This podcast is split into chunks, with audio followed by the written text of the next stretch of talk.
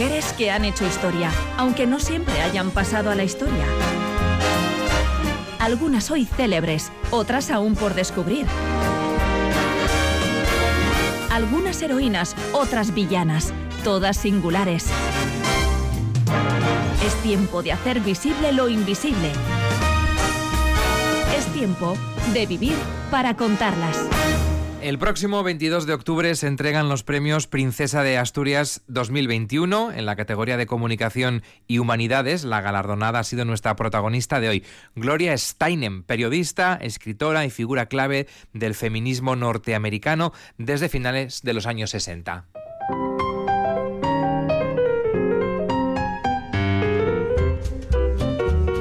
¿Qué tal? Hola. Hola, muy bien. El jurado la ha descrito como referencia icónica esencial del movimiento por los derechos de la mujer, con un activismo marcado por la independencia y el rigor, que ha sido motor de una de las grandes revoluciones de la sociedad contemporánea. ¿Qué más ha dicho el jurado a la hora de seleccionarla como premiada? Bueno, se argumenta en ese acta oficial también su sólido e inagotable compromiso con el feminismo, su ponderación y su voluntad de incluir todas las voces que han impulsado la igualdad como uno de los valores fundamentales de la humanidad.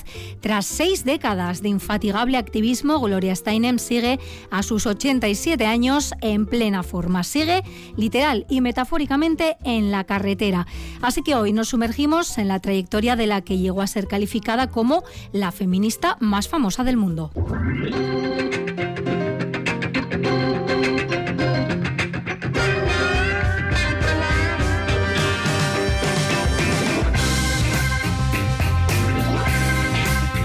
Mary Steinem nació en Toledo, en Ohio, el 25 de marzo de 1934. Su abuela materna, paterna fue presidenta del Comité Educativo de la Asociación Nacional Pro Sufragio de la Mujer, delegada también del Consejo Internacional de Mujeres de 1908 y la primera mujer elegida para el Consejo de Educación de Toledo. Con estos mimbres ya nos podemos imaginar un poco la, vida que llevó Gloria Steinem, ¿no? Lo que mamó, digamos, ¿no? Los valores que ella recibió. Exactamente, ya vemos que el compromiso con la defensa de los derechos derechos las mujeres no era algo nuevo en la familia de Gloria, pero aunque, bueno, podríamos pensar lo contrario, no fue tanto el ejemplo de su abuela como sus propias experiencias vitales y profesionales las que con el transcurrir de los años acabarían plantando en ella la semilla del activismo. Le impactó de entrada el caso de su propia madre, Ruth, que en el pasado había trabajado como periodista, aunque tuvo que firmar con seudónimo masculino, que era un clásico, y que se vio forzada, convención social mediante, a abandonar sus ambiciones profesionales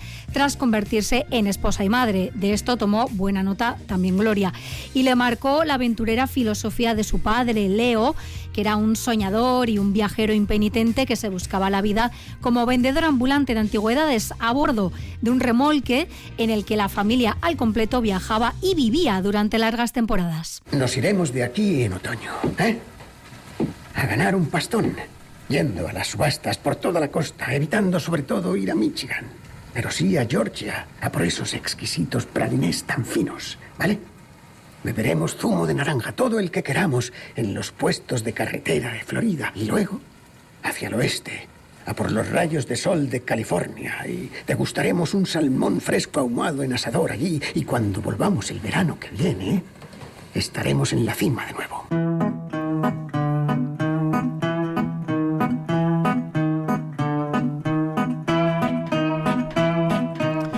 Vamos a detenernos en la figura del padre de Leo Steinem porque él estaba convencido de que viajar era la mejor educación posible. Por eso Gloria no fue escolarizada formalmente hasta los 11 años cuando sus padres se separaron. Su padre se mudó a California, la pequeña Gloria quedó al cuidado de su madre que estaba mentalmente inestable, ¿no? Víctima de la ansiedad, la depresión, también de la neurosis, Ruth pasó largos periodos de su vida entrando y saliendo de sanatorios mentales. ¿Esto cómo le marca a Gloria?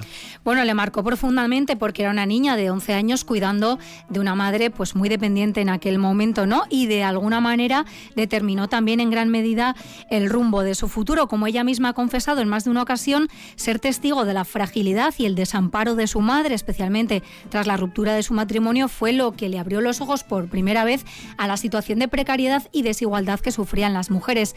Durante aquellos años, al cuidado de Ruth, Gloria también añoraba el nomadismo en el que había sido educada y que durante toda su vida ha sido ya para ella sinónimo de libertad. No es casualidad que su autobiografía, que resume toda una vida dedicada al viaje y al activismo itinerante, lleve por título precisamente Mi vida en la carretera. la cual sigue. Exactamente, ahí sigue ella, como decíamos, literal y metafóricamente. Y en él afirma, cuando la gente me pregunta por qué aún mantengo la esperanza y mi energía después de todos estos años, siempre digo lo mismo, porque viajo. La carretera, argumenta ella, nos aleja de la negación y nos conduce a la realidad, nos aparta de la teoría y nos lleva a la práctica.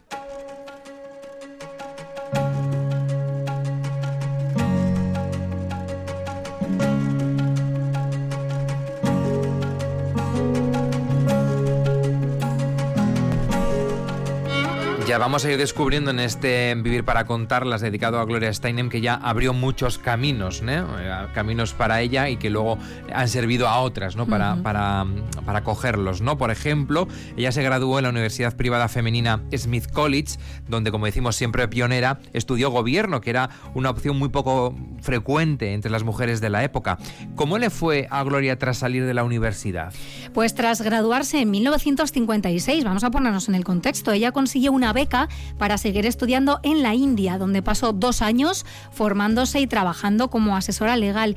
Aquel viaje marcó un hito en su vida personal y también en su forma de entender el activismo político en el futuro. No solo fue testigo de las desigualdades y de los derechos negados a la población femenina, sino que comprobó cómo aquellas mujeres indias trabajaban juntas formando una comunidad de mutuo apoyo a través de los llamados círculos de discusión.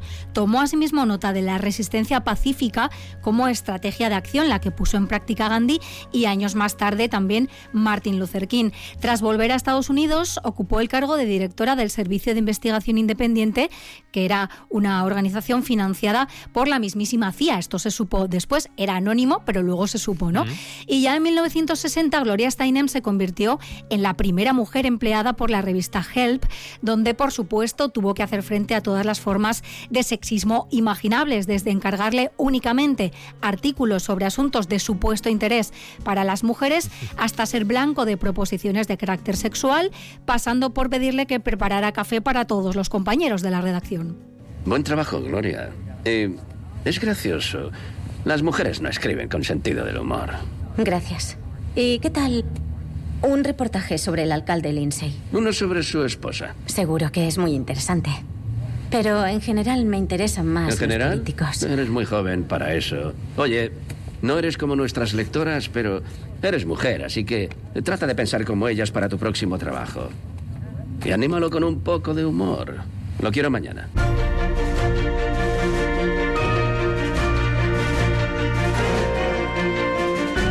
Un clásico, desdén, condescendencia, sexismo. Exacto, todo Habla el de vuestras cosas. Eso no te metas ahí a hablar de grandes temas que nos interesan, ¿no? En De fin. maquillaje, de, de Nah. cositas, de ropa. Bueno, pues a pesar de las dificultades que, como escuchábamos y que como mujer encontró en el periodismo de la época, Gloria Steinem fue abriéndose paso como colaboradora freelance en diversas revistas.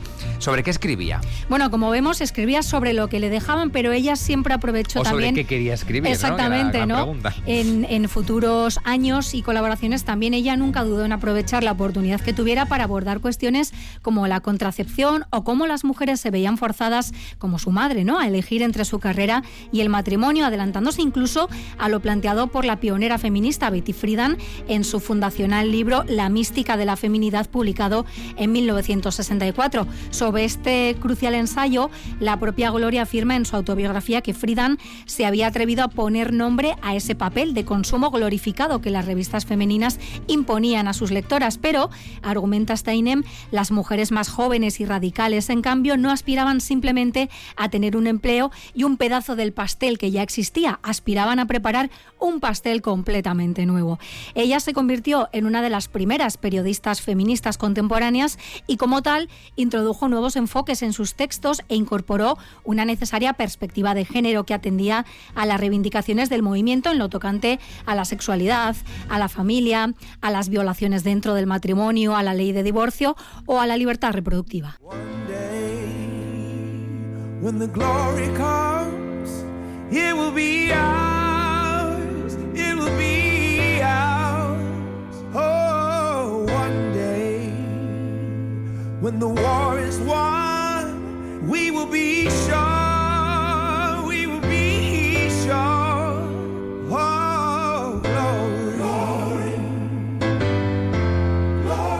Y has introducido otro personaje también muy importante, ¿eh? el de Betty Friedan, que también podría tener su vivir para contarlas. Por supuesto, está en nuestra lista. Su, su- su historia. Bueno, tal y como ella misma cuenta, Gloria Steinem en su autobiografía, en 1963 todavía se ganaba la vida como periodista freelance, redactando semblanzas de personajes famosos, artículos sobre moda, es decir, nada que ver con los reportajes que ya tenía en mente cuando volvió de la India, ¿no? No podía escribir lo que ella quería, sino escribía sobre lo que le, Lo que le mandaban. ¿no? Lo que le encargaban. Pero bueno, ella seguía proponiendo temas y leyó que Martin Luther King Jr. iba a encabezar una marcha en Washington, una campaña masiva para exigir empleo, justicia, una nueva legislación y protección federal para los manifestantes por los derechos civiles que estaban siendo agredidos, encarcelados y a veces incluso asesinados en el sur con la connivencia de la policía. Por supuesto, no consiguió que le encargaran escribir sobre la marcha, pero ella encontró la manera. Le dijo a su editor que iba a escribir un artículo sobre el escritor y activista por los derechos civiles James Baldwin, que casualmente iba a asistir a esa marcha. Entonces ella consiguió ahí el 2 por 1 Y así fue como aquel caluroso día de agosto se convirtió en una más de los que se dejaban llevar despacio por un mar de humanidad, calmado, sereno, así lo describió, como si cada individuo sintiera la responsabilidad de demostrar que el temor a la violencia y los disturbios era injustificado. Además, Edurne, en aquella marcha ella tomó conciencia de algo más, ¿no? Que la segregación no era una cosa racial, también era una cuestión de género. Exactamente, y esto iba a marcar la futura transversalidad de su activismo, incluyente e interseccional, frente al impulsado por otras pioneras del feminismo, como la propia Betty Friedan, que a juicio de Steinem y de otras activistas de su generación, defendían los derechos e intereses únicamente de las mujeres blancas de clase media, dejando de lado a las mujeres negras o a las lesbianas y bisexuales. ¿no? Su experiencia en la histórica marcha de 1963 iba a inspirar años después, cuando estuviera en su mano publicar lo que quisiera, uno de los artículos que más notoriedad le proporcionaron y que llevó por título Después del Black Power, la liberación de la mujer. Pero antes hubo otro artículo que si cabe le proporcionó mucha más proyección pública.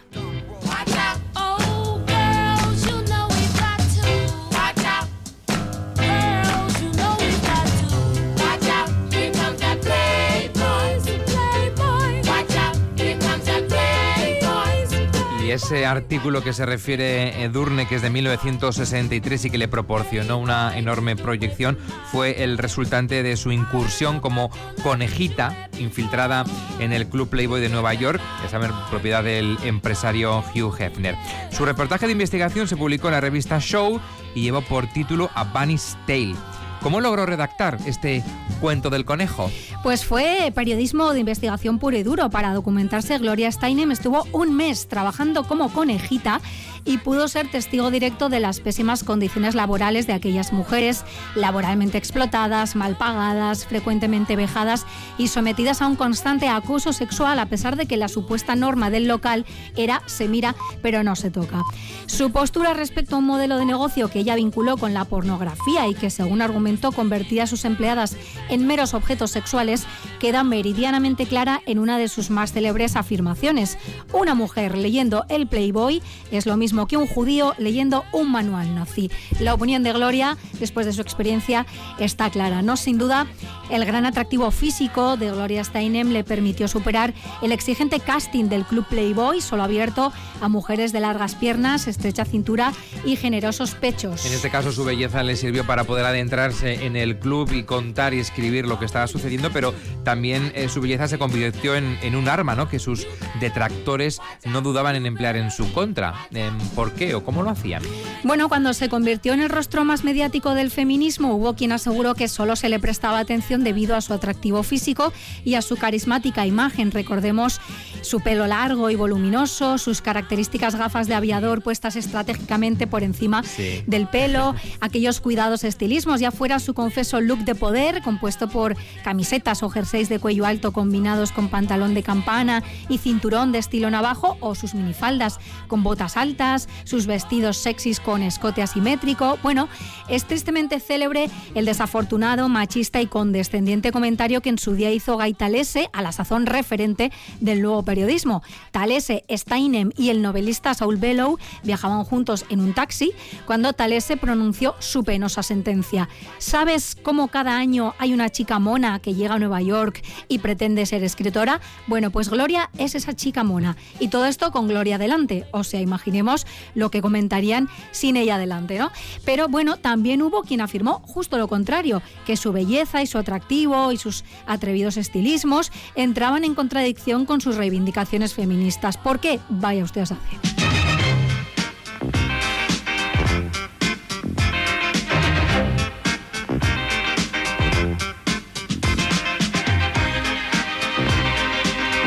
Y nos estaremos preguntando ahora si tuvo consecuencias ese artículo que publicó, ¿no? Eh, Ujú. Contando las verdades y las vergüenzas sobre lo que ocurría en el club Playboy. Bueno, pues sí, porque sacar a la luz eh, esas miserias del imperio de Hugh Hefner dejó temporalmente en paro a Gloria Steinem.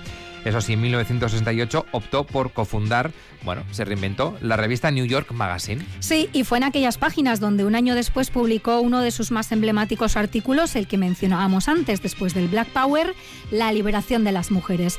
Según su propio testimonio, ese mismo año, mientras preparaba otro artículo, algo hizo clic en su interior.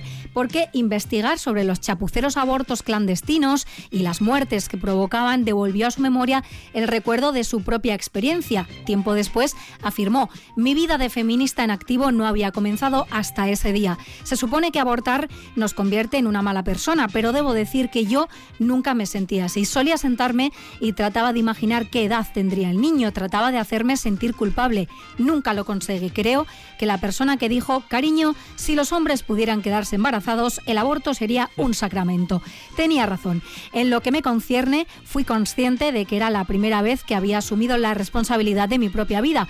No iba a dejar que las cosas me sucedieran, iba a dirigir mi vida y por eso me sentía positiva. Sin duda, Durne ya tuvo más suerte ¿no? que otras tantas mujeres. Ella pudo mm, interrumpir su embarazo, de hacerlo de forma segura, profesional eh, y no jugándose la vida, ¿no? Como Exactamente. tantas mujeres que querían abortar. Tal es así que su libro, Mi vida en la carretera, está dedicado al doctor que la atendió y dice así, este libro está dedicado al doctor John Sharp, médico londinense que en 1957, una década antes de que en Inglaterra fuese legal practicar abortos salvo en el supuesto de que la vida de la mujer corriera peligro, asumió el considerable riesgo de ayudar a una estadounidense de 22 años que iba camino de la India, sin saber nada aparte de que la chica había roto un compromiso en su tierra para salir en busca de un destino incierto, le dijo esto.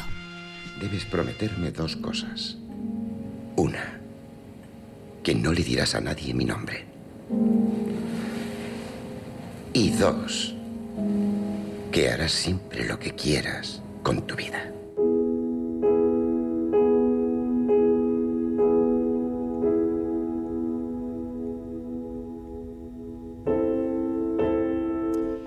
Cumplió Gloria Steinem con las promesas, sobre todo con esa segunda de hacer eh, en vida lo que quisiera, es decir, Sí. ser libre. Lo intentó, como veremos. Bueno, la primera no la cumplió porque reveló su nombre, pero la dedicatoria termina así. Mi querido doctor Sharp, confío en que a usted, consciente como era de la injusticia de las leyes, no le molestará que diga esto tanto tiempo después de su muerte.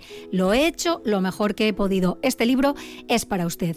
Bueno, resulta evidente que sin la ayuda de aquel doctor, la vida de Gloria Steinem hubiera sido bien distinta. No sabemos si mejor o peor, pero sin duda hubiera sido distinta. Y lo que sabemos es que probablemente hoy no estaríamos hablando de ella. Venga, vamos a detenernos en otra fecha, en 1972, porque ahí es cuando llega eh, su gran proyecto editorial. Sí, eh, junto a la activista afroamericana Dorothy Pittman, con la que protagonizó esa icónica fotografía, ambas con el puño en alto, pusieron en marcha la revista Miss, una publicación clave en el movimiento feminista de la tercera ola, que con un equipo íntegramente femenino logró que el debate sobre los derechos de las mujeres trascendiera los círculos intelectuales y se convirtiera en mainstream, ¿no? Es decir, que llegara a un público masivo. Huían de los temas que solían abordar las revistas femeninas tradicionales, circunscritas pues a la moda y la belleza y además esclavas de sus anunciantes y garantizaban en su revista un espacio para los asuntos más candentes en la sociedad norteamericana del momento. Podían ser cuestiones relacionadas con el género, la raza, la lucha de clases, la discriminación laboral, el acoso sexual o la violencia machista.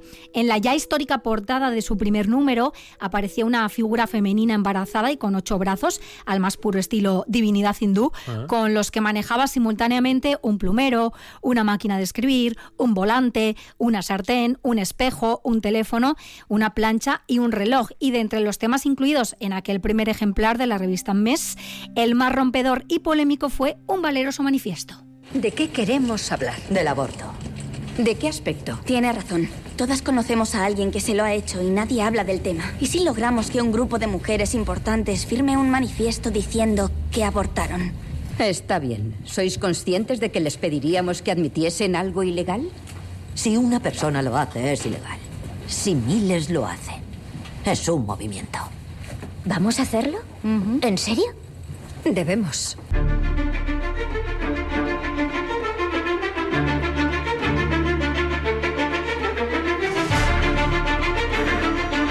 La revista salió con 300.000 ejemplares en ese primer número de Miss. Se agotaron en apenas una semana y además de recibir un gran número de suscripciones, eh, también llegó una enorme cantidad de cartas de lectoras, ¿no? Claro, estas cifras parecían demostrar que en efecto existía una inquietud feminista que latía con fuerza en la sociedad norteamericana del momento.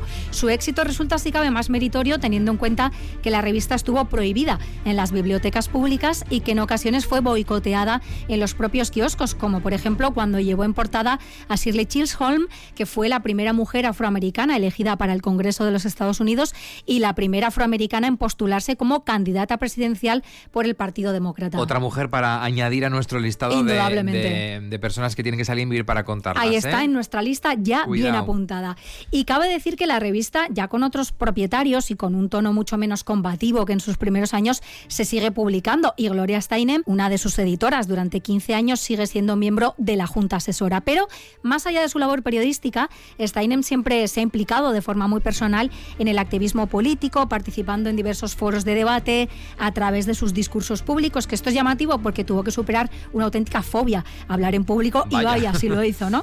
O con la fundación de diversas organizaciones de mujeres, como entre otras la Asamblea Política Nacional de Mujeres, que se creó en el 71 con el objetivo de ayudar a las mujeres a acceder a puestos de responsabilidad dentro de la política o de la judicatura, o también el Women's Media Center, más reciente, creado en 2005 junto a la actriz y activista Jane Fonda y también eh, junto a la activista Robin Morgan, con el objetivo de hacer visibles a las mujeres en los diferentes medios de comunicación.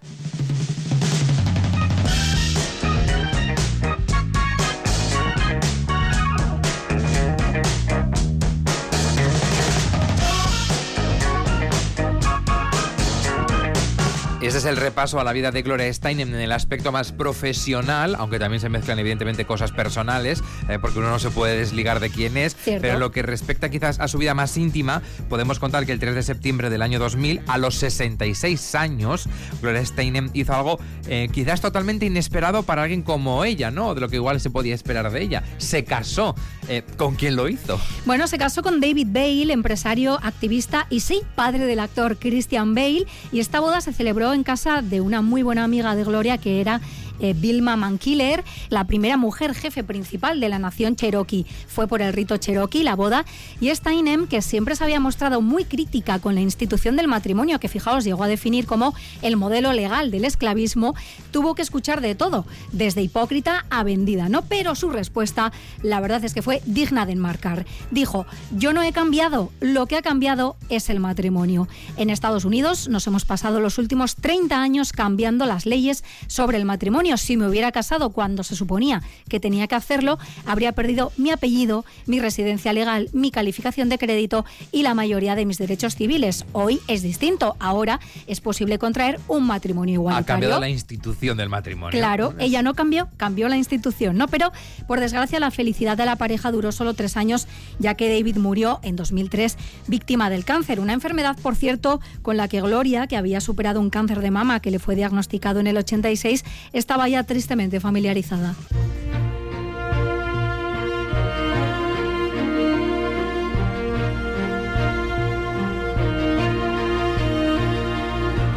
Vamos llegando al final de este Vivir para contarlas dedicado a Gloria Steinem. Ella no tuvo hijos, no los tuvo por propia elección y de hecho ha sido muchas veces preguntada por esta cuestión, ¿no? Eh, la típica pregunta que le hacen a una mujer, ¿no?